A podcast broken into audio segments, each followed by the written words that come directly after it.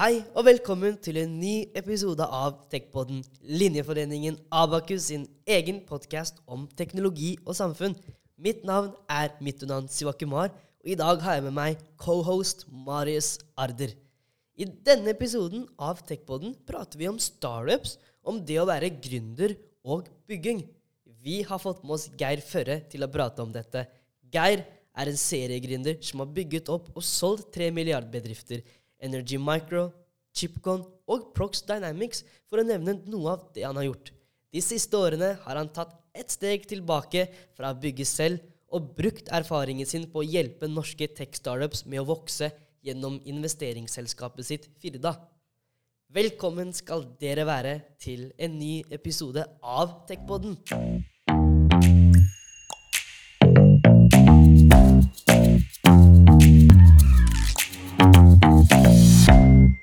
Om jeg er blitt det, vet jeg ikke, men jeg er iallfall blitt en entreprenør. Ja. f- I den forstand at jeg, jeg elsker å bygge ting. Eh, og det, det er ikke bare selskaper som jeg har brukt min profesjonelle karriere på. Jeg elsker å bygge eh, Jeg eier en gravemaskin, f.eks., og eh, liker alle former for håndverksarbeid. Ja. så jeg er, en, jeg er en bygger. Jeg er ikke så glad i vedlikehold. Eh, og, og prøver selvfølgelig å ta vare på, på alt jeg har, men, men, men det er liksom det prosjektene, det er det nye, det er å bygge noe som, er, som gir meg energi. Men Jeg har ikke alltid vært bevisst på at det var sånn, men jeg tror det egentlig alltid var sånn. Er det sånn at du starter på et prosjekt, og så Yes, nå har jeg fått i gang det prosjektet her. Da, da har jeg lyst til å starte opp noe nytt nå? Nei, absolutt ikke. Eh, Jeg er veldig flink til å fullføre òg. Så prosjektet fullføres. Eh, Men jeg, ta, ta, jeg, jeg, et, brukte ett og et halvt år av livet mitt på mesteparten å, å, å bygge et par hytter. Altså, jeg var- gjorde ikke alt sjøl, men jeg gjorde mye sjøl. Mm. og, men når det var da ferdig, så syns jeg ikke det er like gøy å male eller vedlikeholde det jeg har bygd, Ja, som det var å bygge det. Ja, Det var det jeg mente med det. skjønner. Hvor i, hvor i landet er du fra, Jeg er fra Haugesund, eller en lita bygd som heter Førre. Ja. Nærheten av Haugesund. Ja. Hva, hva var disse hyttene før Chipcon, da? Eh, De hyttene var et terapiprosjekt. Eh, Jeg, gikk på en, eh, gikk på en liten smell i, i, i mitt andre selskap, Ja. som var solgte, som var den opprinnelige grunnen til at vi solgte det. Og da hadde jeg behov for litt, litt terapi og litt andre ting en liten periode etter at det var solgt, parallelt med at jeg hadde jobb. da. Mm. Så, så det var en sånn middelalderprosjekt. Ja, jeg, har litt, jeg har litt tro på det. Eller funka det? Det var jeg, jeg trengte det ikke da. Jeg hadde trengt det litt tidligere. Ja. Men jeg, det var veldig befriende, for da Ja. fikk jeg tid til å gjøre litt andre ting. Og, og jeg er jo like glad i, i, i håndverkere som jeg er akademiker, om ikke, om ikke mer. Jeg liker jo veldig godt akademikere òg, men jeg trives utrolig godt sammen med håndverkere. For jeg, flinke håndverkere er noe som jeg, jeg blir imponert over. Ja. Jeg, har veldig tro på det at, altså, at man gjør ting simpelt. Går litt tilbake til måte, røttene, om du vil. Altså si bygger, gjør fysiske ting. Jeg tror det er litt sånn fungerer veldig Jeg merker for meg selv i hvert fall at det fungerer veldig sånn terapeutisk. Mm. Hvis jeg har en uh, dårlig dag eller er litt sliten eller en ferie hvor jeg er hjemme, så må jeg, kan jeg gå til å klippe gresset. Jeg syns det er deilig. Det er liksom Jeg tror Hvis jeg skal peke ut én ting som gir meg mest ro, så er det vel å bygge, bygge steinmurer. Jeg, har, jeg er tredje eller fjerde generasjon steinbygger. Så det er sånn noe som ikke så mange kan å, å lage. Er, er, det, er det noen sånn spesiell teknikk? Så er, Nei, det er forskjellige. eh, Men jeg elsker å jobbe med, med stein. da. Eller eh, Men hva, hva er, ok, hvilke teknikker har man innenfor steingjerder? Er Nei, det masse forskjellig? Eller er det? Ja, det er jo Hvis du er interessert i steinmurer, så, som jeg er, så ser du at det er veldig mye forskjellig. Ja, for jeg har sånn byggeteknikker Nei, bygger det i natur, Ja, ja, ja, jeg og så er det forskjellige måter å gjøre det på. Ja. Uh, men jeg, jeg vokste opp med en far som drev på med det hele tida, og Ja. jeg hadde en farfar som drev på med det. Så det var vel, det var vel innprogrammert i morsmelka, der, eh, tenker jeg. Eller farsmelka. Ja. Men på barneskolen så hadde man sånn borgerkrig og snøballskrig. Var du en eh, bygger da? Vi bygde, ja, jeg bygde masse sånne snøborger, ja. Det var, det var det som var gøy, ikke snøballkrigen nødvendigvis etterpå. Jeg bygde hytter eh, høyt og lavt, og i trær og nærme sjøen og på fjellet, og det var hele tiden. Hva, hva syns du om at det blir mindre av sånne aktiviteter om dagen? Jo, altså vi, vi så, er du- Dumt, syns jeg. Men, men så er det sånn at kanskje en er bare gammeldags og så er nostalgisk og tenker at det Ja. er sånn som det var da jeg vokste opp. Det var sånn det burde være. Ja, Eh, Men eh, jeg har jo fire barn, og spesielt de to yngste Ja, faktisk tre av de fire er jo veldig interessert i dataspill. Ja. Så Det er jo en bekymring. Så skjønner jeg at de lærer mye av det, og at det er utviklende òg, men det blir mye. Ja. Skulle gjerne tenkt meg at de bygde hytta i, i, i tillegg. Men, men tror du ikke det at eh, Kanskje ikke akkurat på dataspill, men man kan jo bygge ting mellom, gjennom koding, f.eks. Eller bygge ting digitalt. Absolutt. Er det en sammenheng der, f.eks.? Ja, absolutt, ja. ja. Det trenger ikke være fysiske ting eller ei hytte. Det kan være, ja, det kan være noe elektronikk eller Ja. programmering eller whatever. Ja. Har, så- har dere hørt om spillet Roblox? Det er sånn alle Ja. Og eh, der kan man jo Er ikke det mest å rive av det, da, eller er det mest å bygge? bygge og rive. Ja. Og, og, og der, kan- ja, der jeg blir bare inspirert av mange barn her som har For man kan kode sine egne extensions og sånne type Ja, masse, masse ting. Og så er på grunn av at de har passion for Roblox, så bare har de begynt å kode ting fordi de har lyst på ting. Det ser, og gjennom det så ser en jo at det er jo mye skaperkraft i mennesker. Ja. Eh, Altså, nettopp fordi et sånt spill slår an så godt, da, Ja, ja. er jo et bevis på det. Du har jo Minecraft og, altså, og mange andre oh, lignende spill òg. Det, Men ja. Nei, det var litt, litt derfor Jeg skulle jo egentlig studere økonomi og politikk. Ja. Og så tenkte jeg at det er jo ikke så spennende. Da kan jeg jo ingenting. Da blir jeg sittende og bare prate. Og kanskje lede noen folk, men jeg kan ikke noe. Så jeg tenkte ja, da kan jeg prøve å bygge noe virtuelt. da. Men det er klart at vi ingeniører har en tendens til å tenke at det er bare vårt fag som, som, som betyr noe. Jeg er litt i den, eh, og litt i den fella, jeg òg.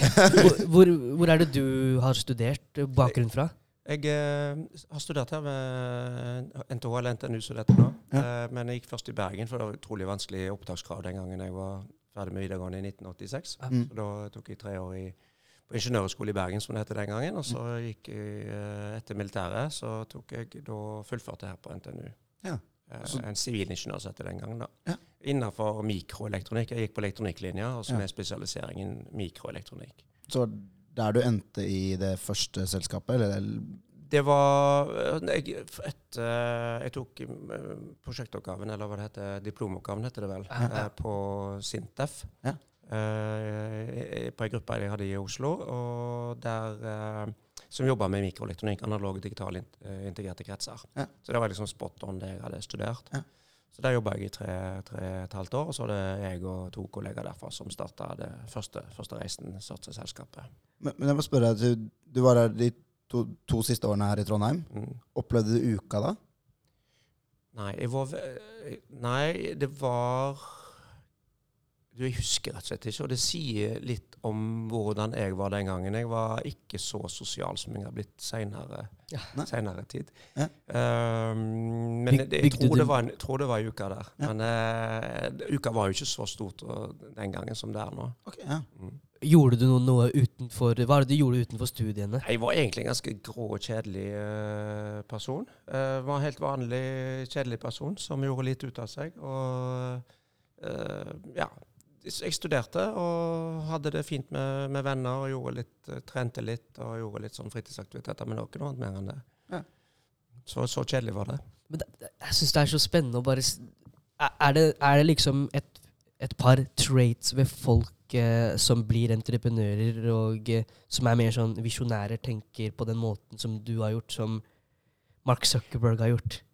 Det, det, jeg, vet ikke. Eh, jeg har lurt litt på det sjøl, om det lå latent, eller om det var litt, litt tilfeldig at det skjedde. Altså Det som var den utløsende årsaken til at eh, vi starta Chipcon, var at eh, Eller jeg begynte egentlig ikke i Sintef, jeg begynte i noe som heter Senter for industriforskning, som eksisterte i Oslo. Og så ble det, Den dagen jeg begynte, så fusjonerte det med Sintef.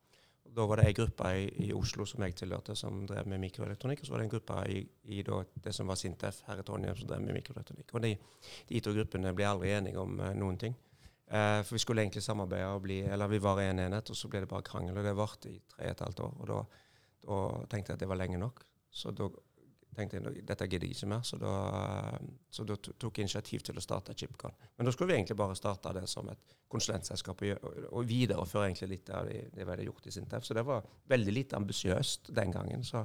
Men det var jo jeg som tok initiativet. Ja. Eh, jeg gjorde det to ganger, faktisk. For, først én gang med fem stykker av de i gruppa. Så var det ikke nok entusiasme for å gjøre det. Så gjorde det en gang til året etterpå med, med to andre og meg. da. Ja. Og da fikk vi det til. Men det var jeg som drev det fram. Så jeg hadde nok, var nok mer Jeg er nok mer uredd enn de fleste, tror jeg. For jeg tror det er det som holder mange flinke folk for Ja. å ta steget til å gjøre noe. Mm. Er redselen for det ukjente. Men jeg tror ikke jeg har hatt det i samme grad på den måten.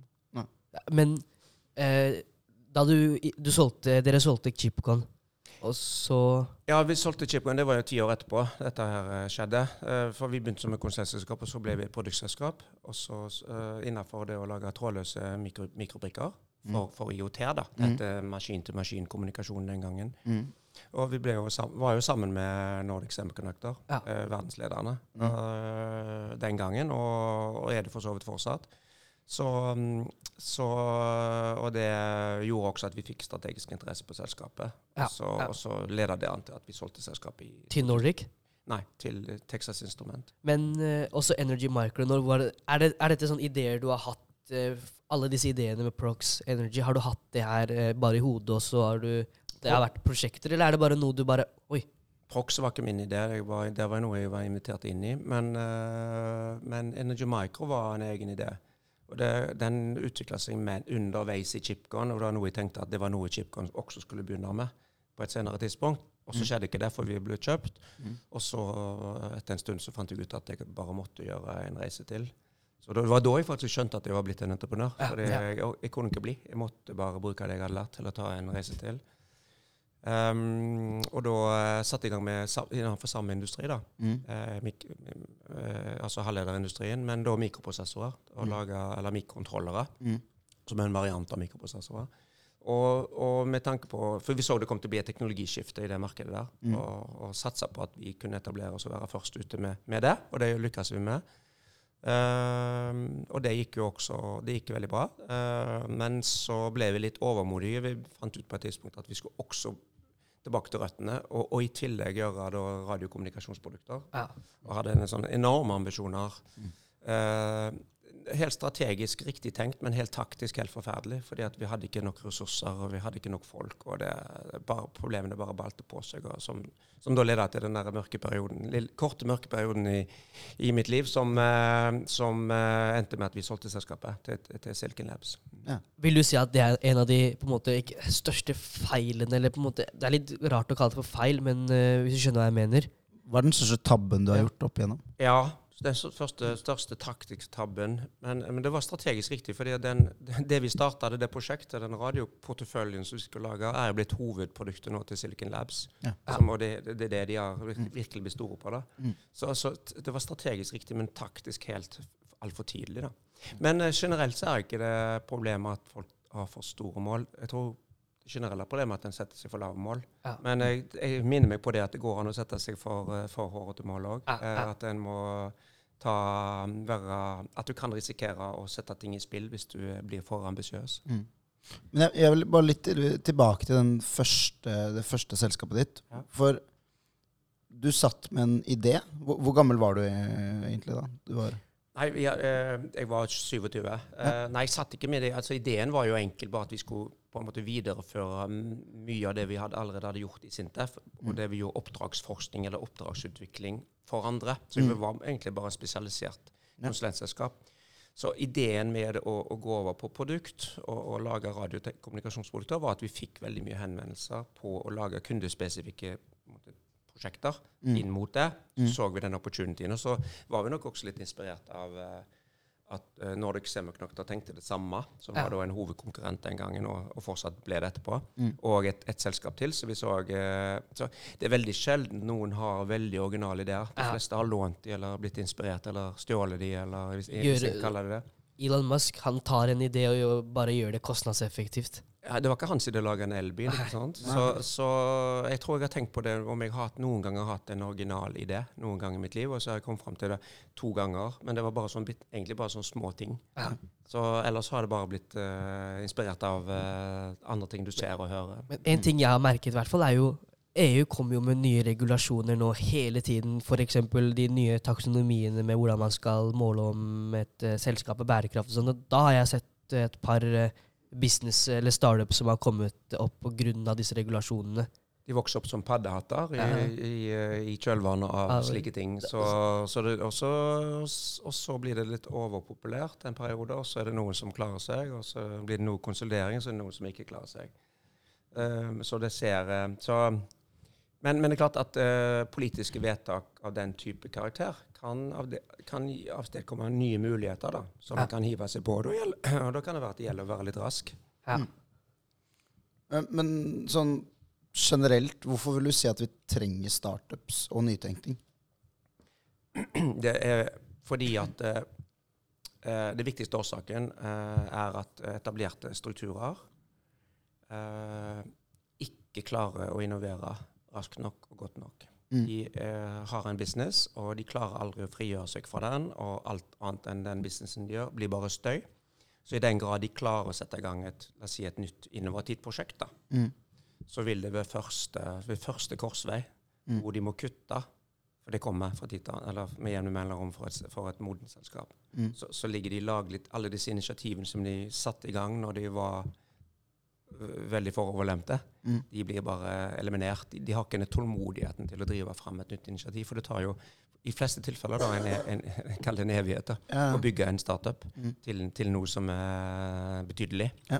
Så, så, så, hovedsvaret er at det, fordi det ikke går. Ja. Fordi innovasjon er veldig vanskelig etablerte strukturer. Derfor så må du ha du må, du må ha en gruppe av mennesker som har en dedikert uh, mission, eller Mm. Eh, og tålmodigheten til å stå det igjennom. Ja. Og, og at det kun det de gjør, for at ikke de lar seg distrahere av at de har en stor business som, eh, som, som i øyeblikket betyr alt.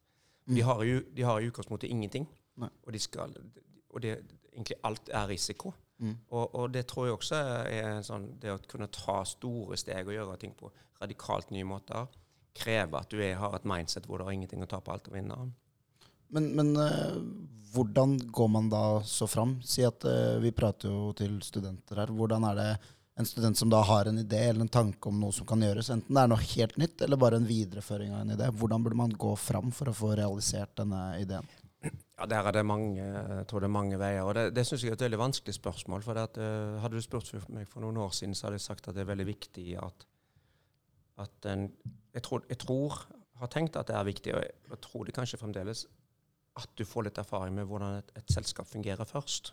Mm. Uh, jeg tror det hadde vært for eksempel, det var umul, ville vært umulig for meg å starte mitt andre selskap hvis det ikke gjorde mitt første selskap. Jeg tror det hadde vært veldig vanskelig å, starte første selskap også hvis det ikke hadde de tre-fire tre, årene hos Sintef. Mm. Så det er bare det å oppleve ting som eksisterer, Mm. og har et bilde av hvordan eh, noe sånt er. Så, så det har jeg ment. Mm. At uh, jeg ville anbefalt å ta prøve å bli skikkelig god på noe, og jobbe et par, par, tre år, fire år et sted hvor du kan bli skikkelig god før du gjør det. Mm. Men så ser jeg jo at, eh, så ser jeg jo at det er jo veldig mange eh, in veldig initiativrike eh, studenter som kommer ut nyut- nyutdannet, som bare brenner etter å gå i gang med, med sin startup. Sånn var det ikke da jeg studerte. Det, ordet gründer eksisterte omtrent ikke den gangen. Hvis det, hvis det, eksist, hvis det var noe som visste var eh, om ordet, så var det stort sett forbundet med noe negativt, altså Mm. noe kriminelt nesten. Mm. Mens i dag er det ikke sånn. Så, så, og så er det jo eksempler på at uh, folk lykkes med å kunne gå rett ut fra studier. Mm. Uh, Zuckerberg er jo et eksempel på det. Men uh, det er nok en outlier mer enn noe annet. Og den der, det å ha en så, såkalt Kall det en unfair advantage da, når du skal starte noe, Mm. Eh, er, en, er ofte litt avgjørende. En, en unfair advantage kan være at uh, i mitt tilfelle, da, når jeg startet mitt andre selskap, så kunne jeg det å starte selskapet. Jeg kunne den bransjen. Mm. Jeg kjente mange folk som jeg kunne ansette. Mm. Det var en unfair advantage. Mm. Um, mens en nyutdanna har jo ikke de, og de, de kan være flinke, har masse initiativ, og de kan, og, men så, og så velger de medgründerne blant sine kompiser på, på studiestedet. Og det kan jo gå bra.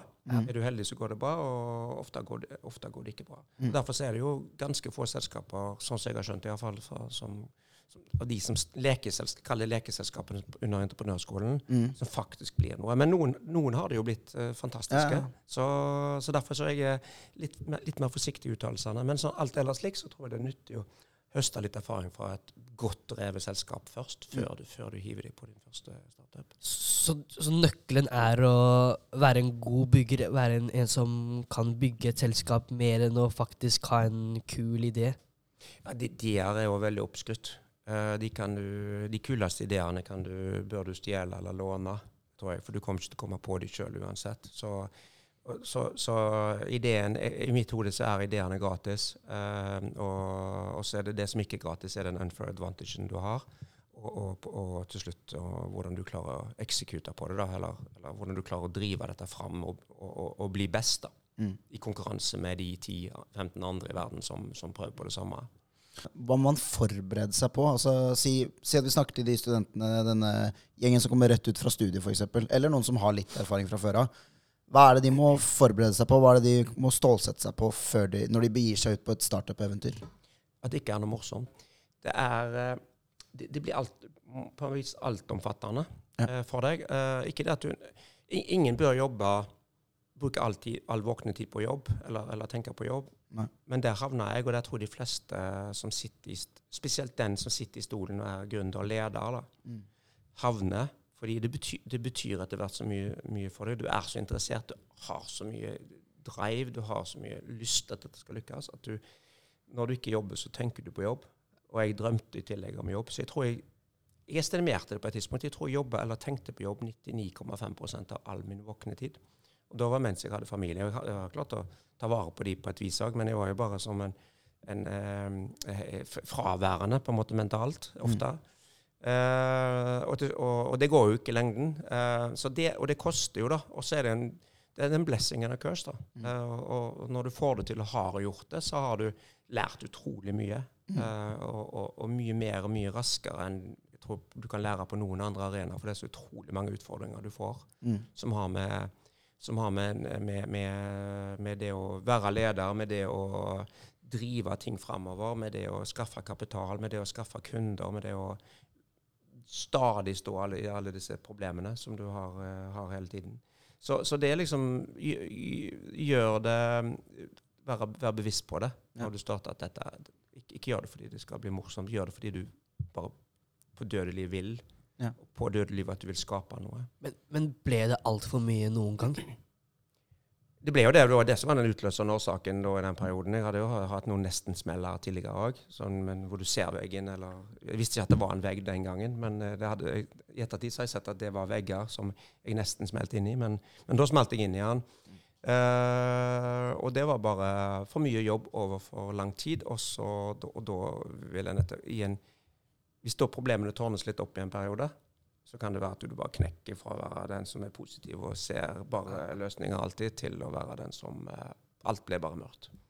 Men det, men det høres ut som når du beskriver Hvis vi skal på en måte beskrive en målgruppe da, eh, for hvem som burde starte opp, eller starte opp for seg selv, så er det jo, som du sier, det er folk som brenner for en idé. Det er folk som brenner for et produkt, eller folk som Brenner for å løse problemer. Ja. Ik ikke drømme om å bli rik er vel også et, et et For det, det, det skjer sannsynligvis ikke. Nei. Og brenn for å løse det problemet. Eh, Og litt til å bare dra det tilbake til hvorfor burde studenter egentlig starte startups, eller kanskje jobbe i en startup eh, når de er ferdig med studiet?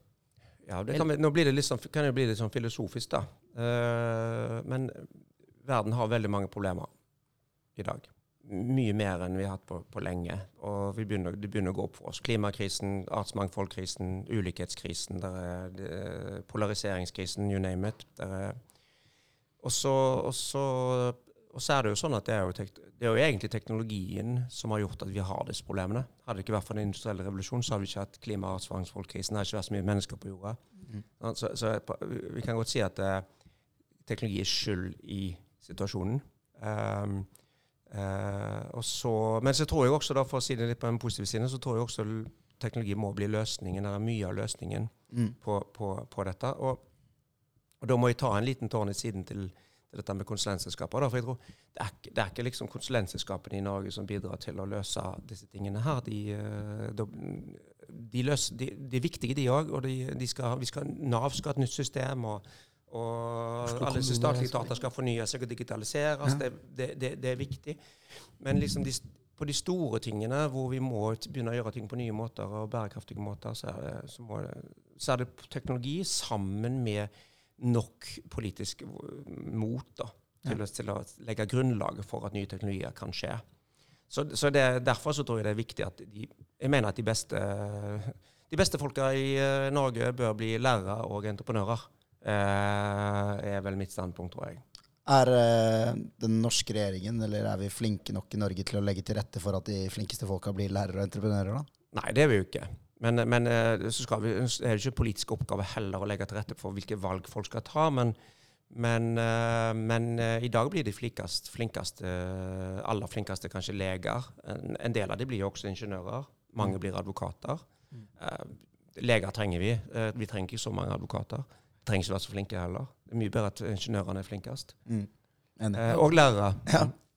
Og ja, ja, vi ser jo vi ser jo mange norske tech-startups som vokser fram nå. Kan det være den nye oljen til Norge? Ja, vi kan jo håpe det. Eh, og, det har jo skjedd veldig mye positivt egentlig de siste ti åra, og spesielt de siste fem åra. Det er jo stadig flere norske teknologiselskaper som lykkes. Eh, og ser det er en sånn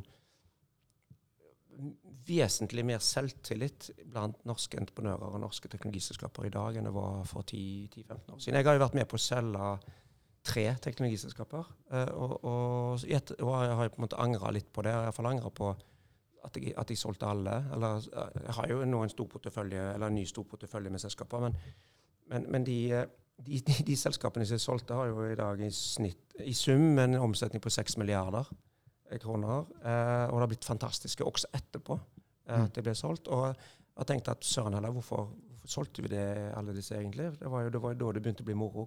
Hadde vi ikke vi selvtillit nok til, å tenke at vi skulle klare å drive det videre også? At vi trodde at det var noen andre som kom til å forvalte dette, denne statusen eller dette selskapet videre bedre enn vi kan lage sjøl. Og det tror jeg eh, der tror jeg ting har endra seg, og stadig flere selskaper og stadig flere folk, da, inkludert meg sjøl, tenker at eh, nei, vi kan klare det minst like bra sjøl. Mm. Og det er ingen grunn til at ikke vi skal fortsette å bare bygge disse selskapene til å bli mye større og komme mye lenger enn vi tradisjonelt har kommet når de ble solgt eh, til noen.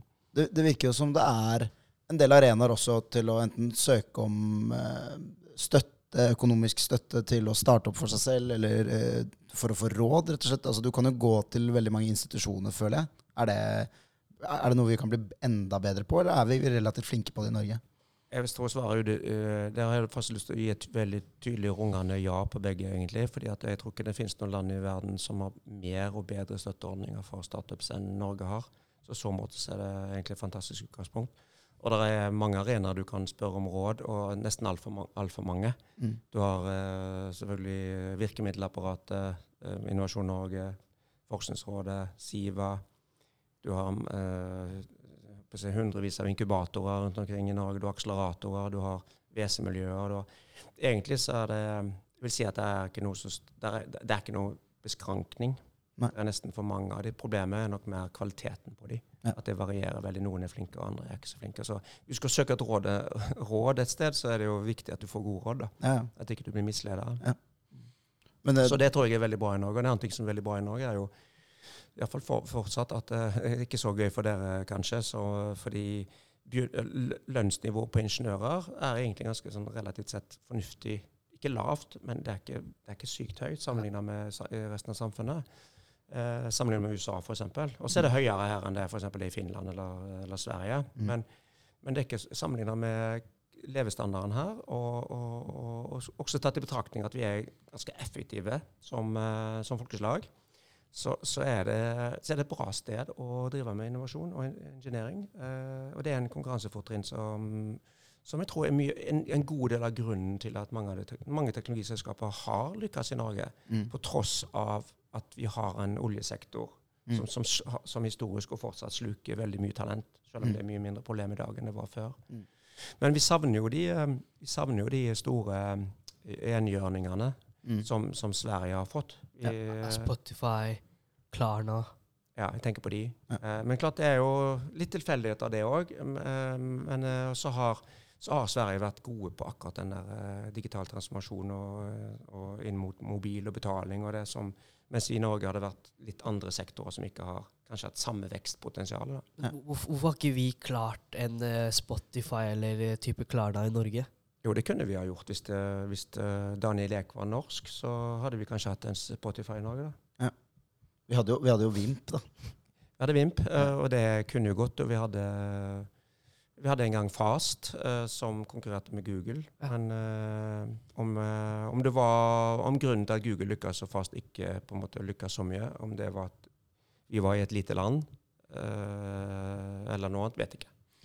Men du nevnte en del eh, problemer i sted. Blant annet, altså, vi, vi ser jo definitivt eh, konsekvensen av klimakrisen eh, nå i verden i dag.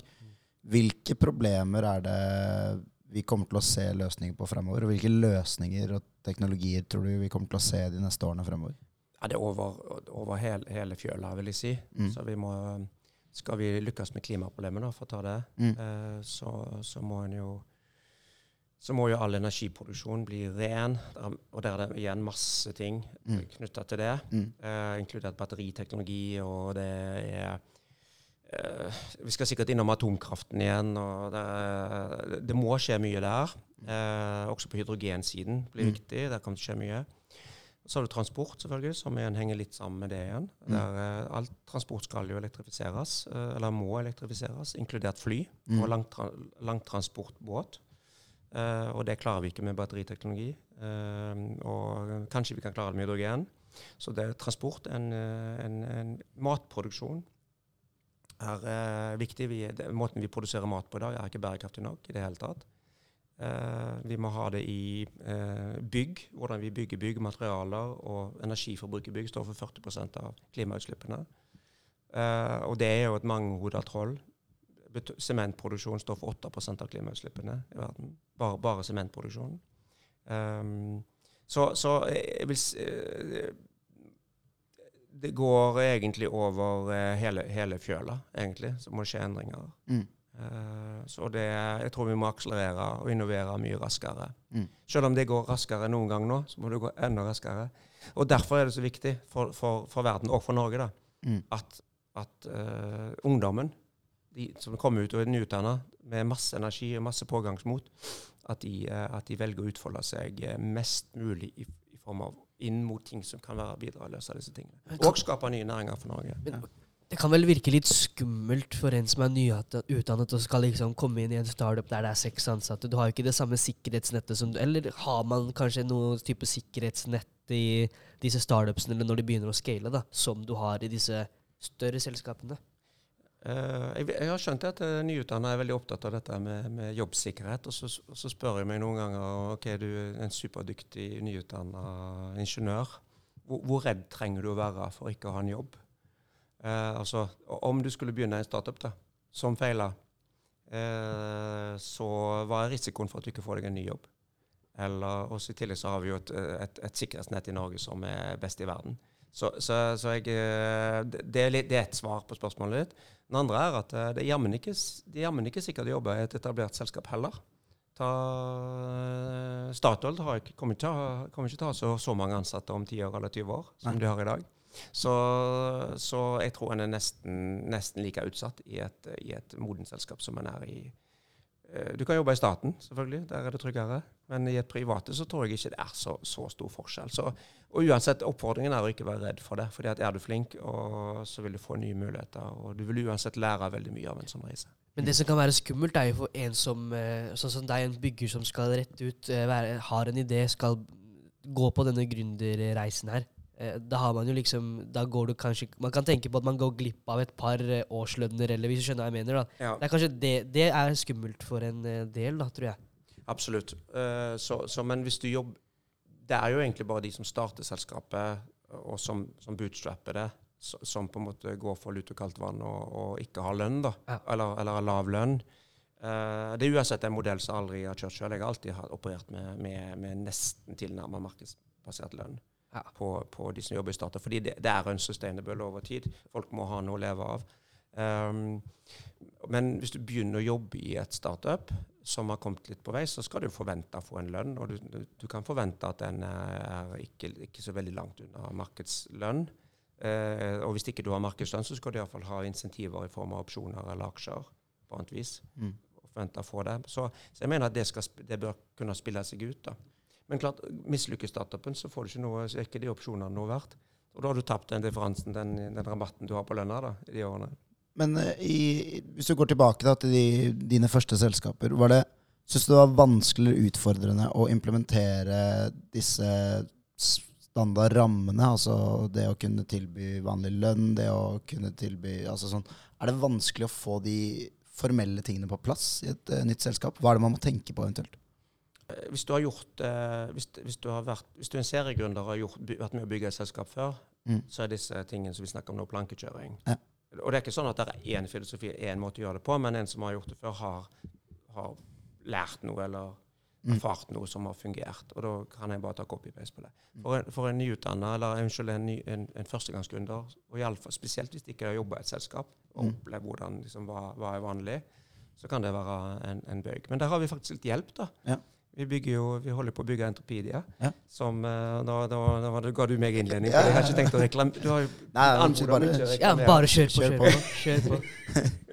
Jeg skal ikke reklamere så mye heller, men Entropedia har vi altså, Jeg har jo vært med å selv vært med å bygge noen selskaper. Og den andre gangen jeg skulle starte et selskap, så savner jeg å ha en verktøykasse med Mm. alle maler og 90 gritti som du trenger for å bygge et selskap. Og Det var første gang jeg egentlig savna å ha en sånn ting som entropi der. Da.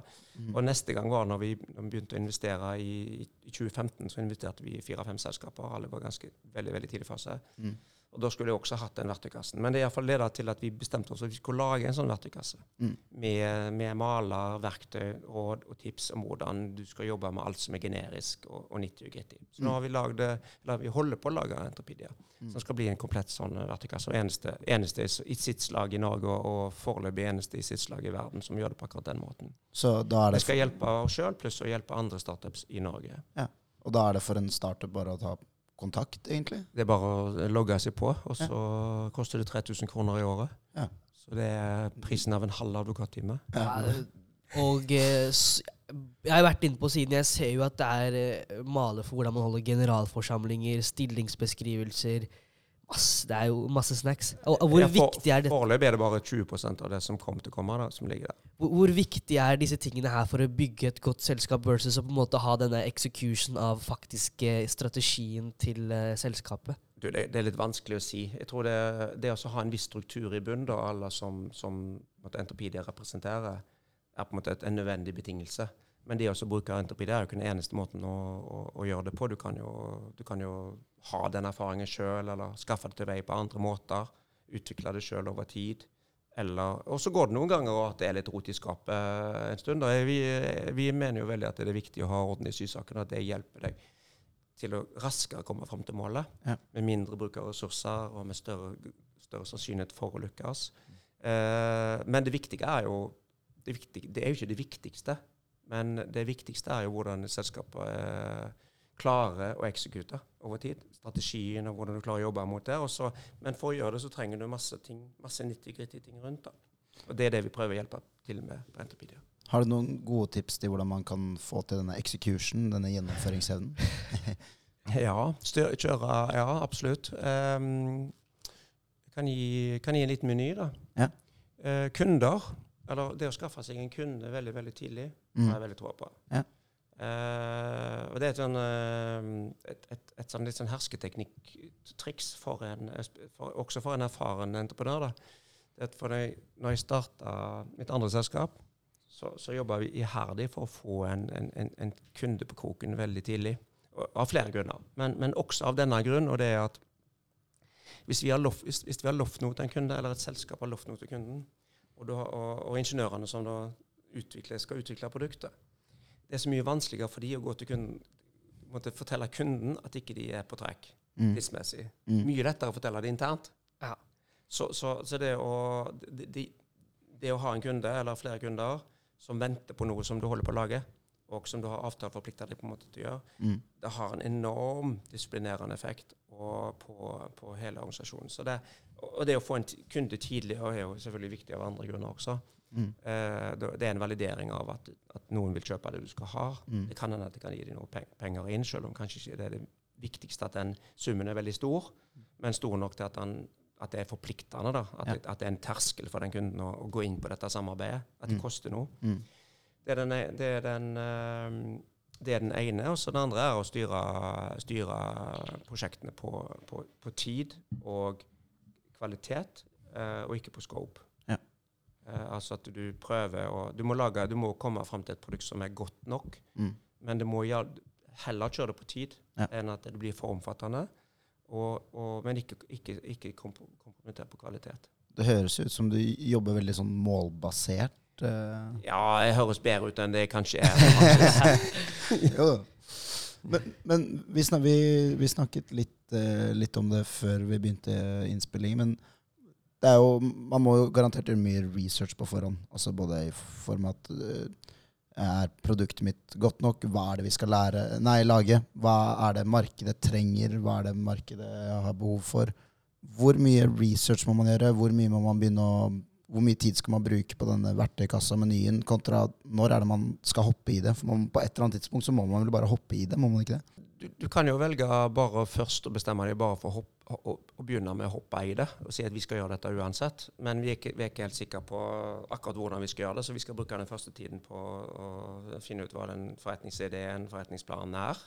Mm. Eh, kan være en approach hvis du bare vet at du bare vil og, og skal starte. Um, men, men, men, uansett, eh, det å, det å analysere seg i hjel før du starter selskap, er, er litt, litt, meningsløst. Du må, du, må, ha trygghet på at markedet er stort nok. Eh, at det finnes et marked, eller du tror at det kommer et marked.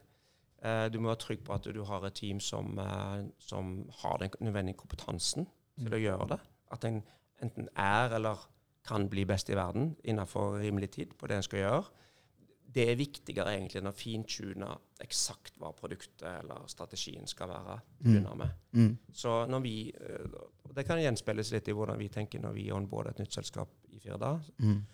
Så ser vi veldig mye på, på teamet, og hva de kan, og hva de vil. Det er, sånn det er liksom grunnpilaren. Hva teamet kan, og hva de vil.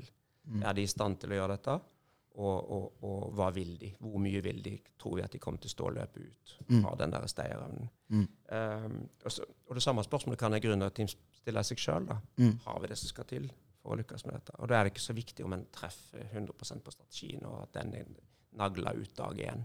Veldig mange. Nei. Jeg tror når Mark Zuckerberg starta Facebook jeg har ingen tro på at han hadde staka ut noen, noen, strategi for Facebook med alle fasetter den dagen han starta. Mm. Han hadde lyst til å lage en, eh, en, en, eh, et, et, et go to-sted for studenter. Harvard, for å bare feste ja, Sånn begynte det. Ja. Mm. Strategi er jo noe man kan endre på underveis. Men vi pratet jo litt tidligere i dag om eh, det å ha kompetente folk, det å ha folk med drive. Og det jeg lurer på da, er jo hvor mye vektlegger dere personer når dere ser på nye selskaper?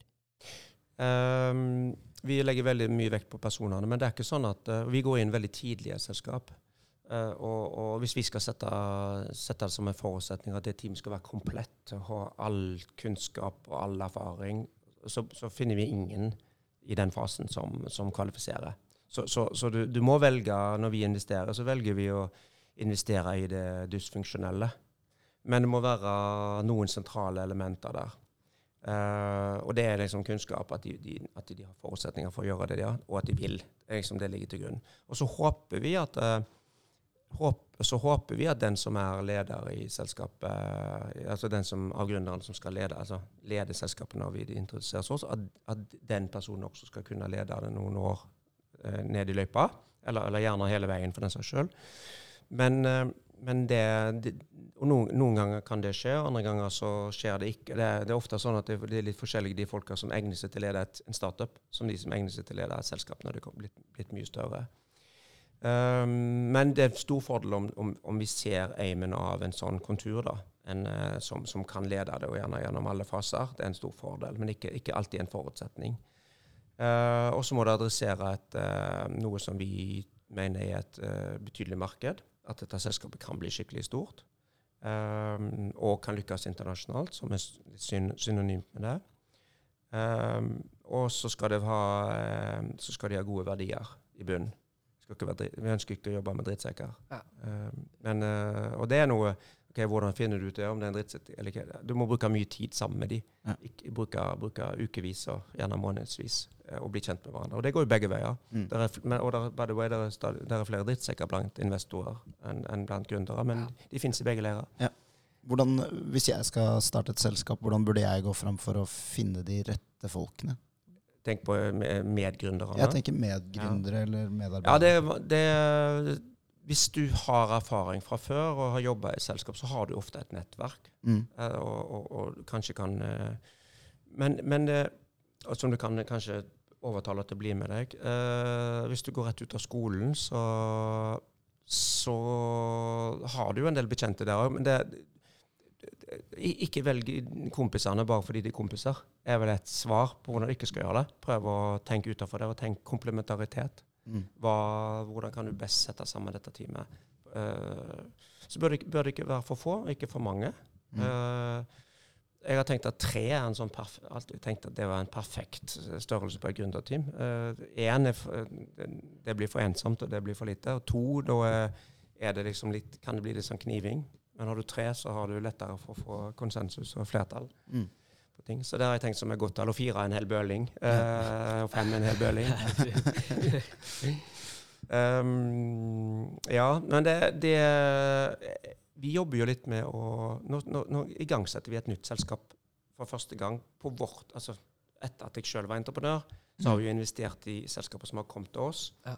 Men nå i uh, 1.1 så, så starter vi et nytt selskap som egentlig er initiert fra oss.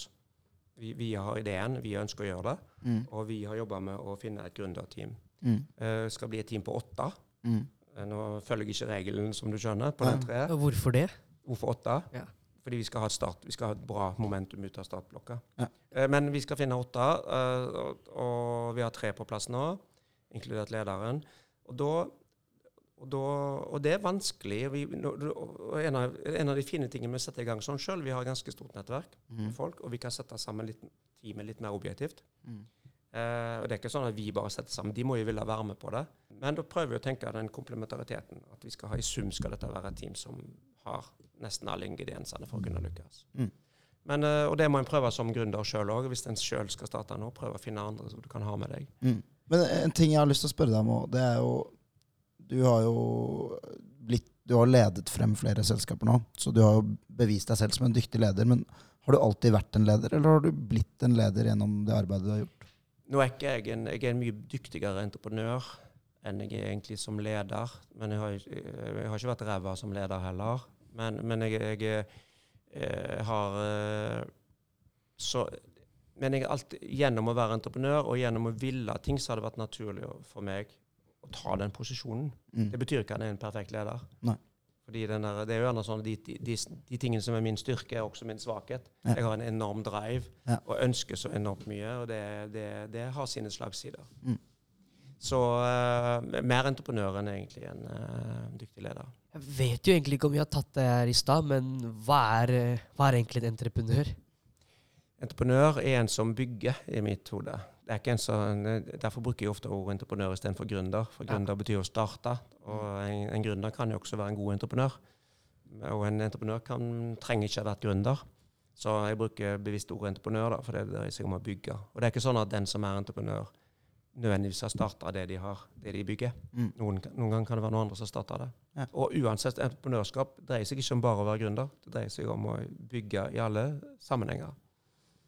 Yes, eh, det begynner å Tiden eh, renner fra oss nå. Men eh, før vi avslutter, så har jeg to ting. Vi kan starte med det første. Og det er jo litt om Firda. De selskapene dere har i porteføljen. Litt kort om dem.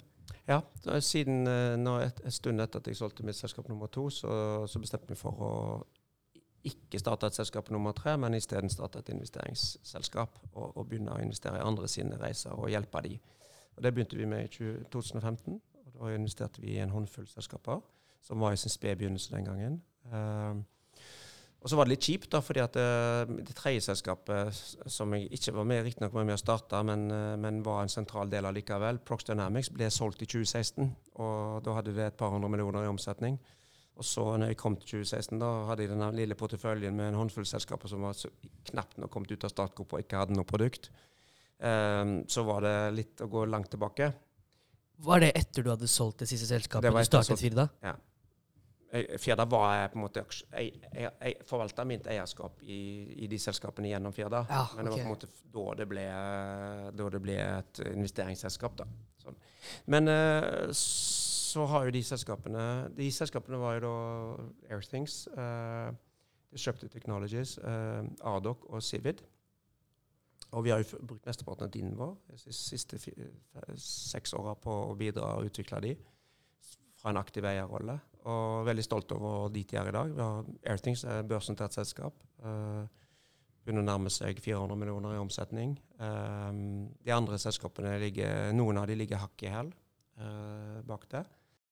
Vi har funnet ut gjennom det å jobbe med de, funnet ut hvordan vi, vår eierskapsmodell er i forhold til selskapene. Så vi er en aktiv eier. Uh, ikke operativ. Vi jobber ikke i selskapene. Vi gjør ikke, opp, vi gjør ikke jobben for dem. Men vi er, vi er, en krevende, interessert eier. Vi kler ofte styrelederrollen. Er du styreleder i flere av de selskapene, da? Jeg var styreleder i fleste av de inntil nylig. Nå er jeg litt færre.